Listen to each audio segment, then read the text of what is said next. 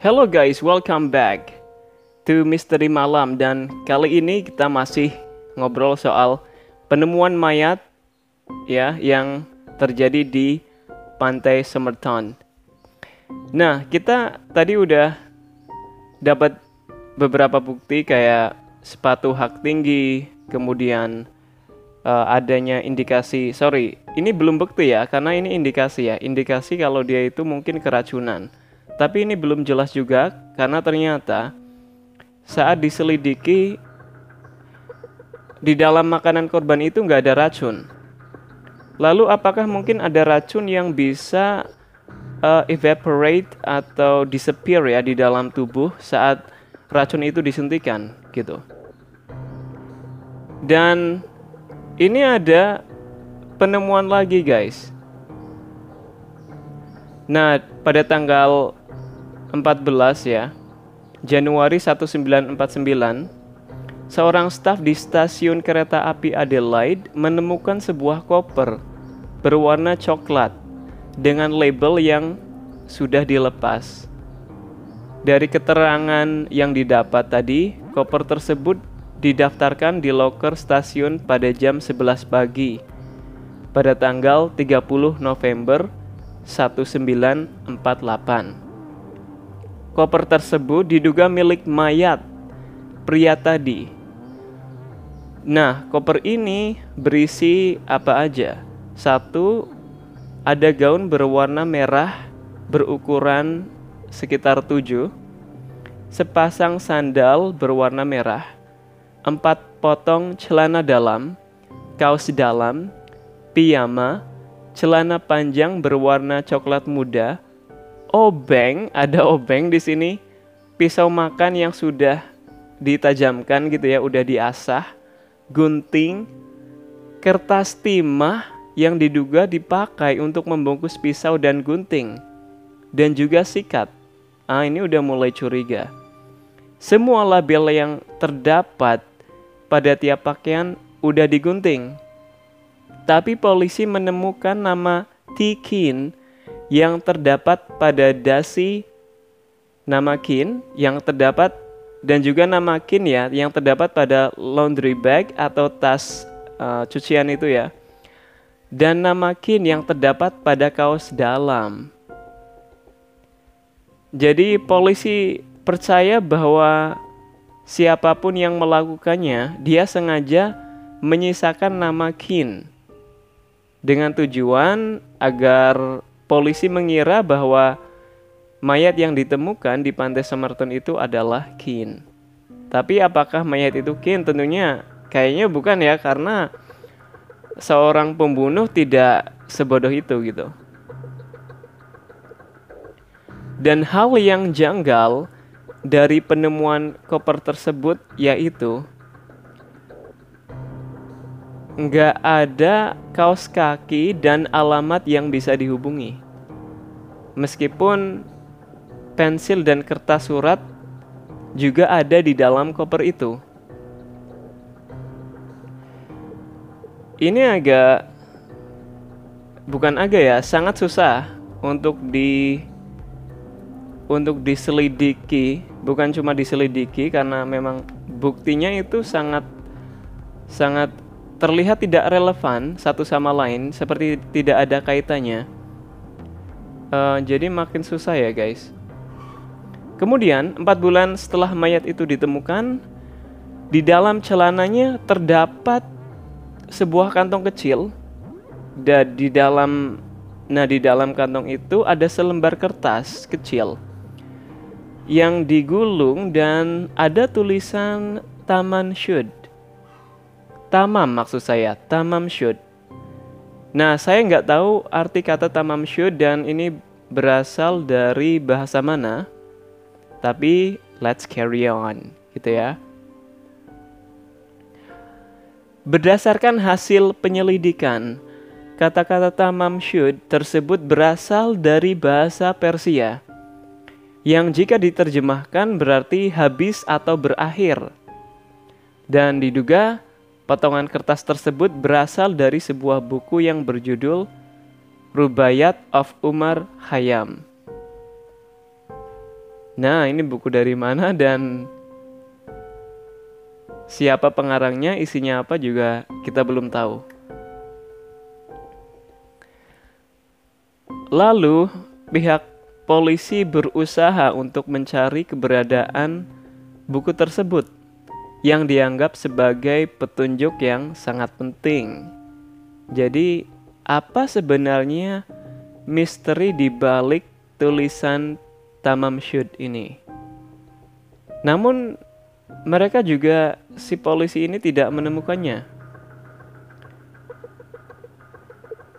Selain itu, sidik jari yang diambil dari mayat tersebut juga tidak bisa diidentifikasi karena memang tidak ditemukan catatan tentang mayat tersebut ketika dia masih hidup.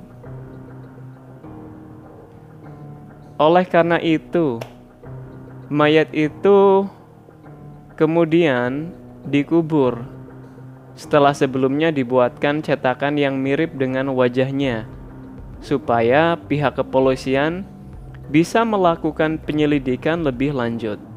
Dan guys, pada tanggal 10 Desember juga sempat dilakukan pembalseman untuk mengawetkan si tubuh mayat ini. Ya, siapa tahu suatu saat akan ketemu ya, um, akan terpecahkan misteri ini gitu. Jadi di balsam biar awet, biar suatu saat kalau butuh mayat itu masih bisa diidentifikasi. Delapan bulan kemudian, setelah mayat itu ditemukan, ada seorang laki-laki mendatangi kantor polisi sambil membawa salinan buku Rubayat of Umar Hayam. Dia mengaku kalau dia nemu buku ini di dalam mobil miliknya yang selalu dia parkir di pantai Semerton. Namun dia yang nggak punya pikiran apa-apa ya sampai akhirnya dia membaca berita di koran tentang penemuan mayat itu tadi. Dan guys, di halaman akhir buku tersebut terdapat bagian yang sudah disobek. Dan ternyata bagian yang sudah sobek tersebut cocok dengan potongan kertas yang ditemukan di dalam kantong celana mayat itu. Jadi potongan kertas tersebut memang berasal dari buku ini. Lalu buku ini diperiksa dan terdapat nomor telepon serta rangkaian kode yang terlihat aneh. Kedua petunjuk tersebut sesegera mungkin diselidiki oleh polisi.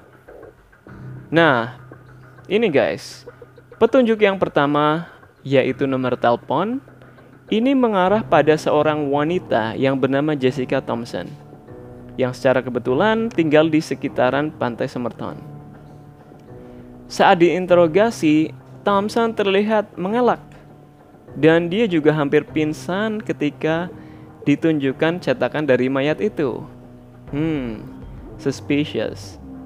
Sepanjang interogasi dia sempat menangis, tapi dia menyangkal bahwa dia itu mengenal si mayat ini. Dia mengaku pernah memberikan buku rubayat of Umar Hayam pada seorang laki-laki bernama Alfred Boxall. Polisi sempat berpikir mungkin mayat itu bernama Alfred Boxall. Namun kenyataannya Alfred Boxall masih hidup. Gak cuma itu, Alfred Boxall juga ternyata memiliki salinan buku Rubayat of Omar Hayam. Dan belakangan diketahui bahwa Thompson memiliki seorang anak laki-laki. Polisi tidak tahu siapa ayahnya. Tapi guys, telinga dan gigi anak tersebut memiliki kesamaan dengan mayat pria itu tadi. Dan petunjuk yang kedua yang merupakan sebuah kode dianggap tidak bisa mengarahkan pada sesuatu. Bahkan sampai sekarang, sampai sekarang kode tersebut masih belum bisa dipecahkan. Kurangnya keberhasilan dalam upaya mengungkap identitas dan penyebab kematian dari Somerton Man membuat si polisi jadi um, menganggap misteri ini sebagai unparalleled mystery. Dan mungkin kedua hal tersebut akan sulit untuk diketahui. Nah, belum ada guys. Jadi sampai sini belum memang belum ada um, rangkaian bukti pasti yang mengarah pada siapa sih sebenarnya pelaku atau penyebab asli dari kematian si Semart pria Semarton ini. Nah, zaman dulu itu memang biasanya kalau ada pembunuh. Jadi pembunuh zaman dulu itu sangat cerdas-cerdas sekali, guys. Ya. Dia bisa membunuh seseorang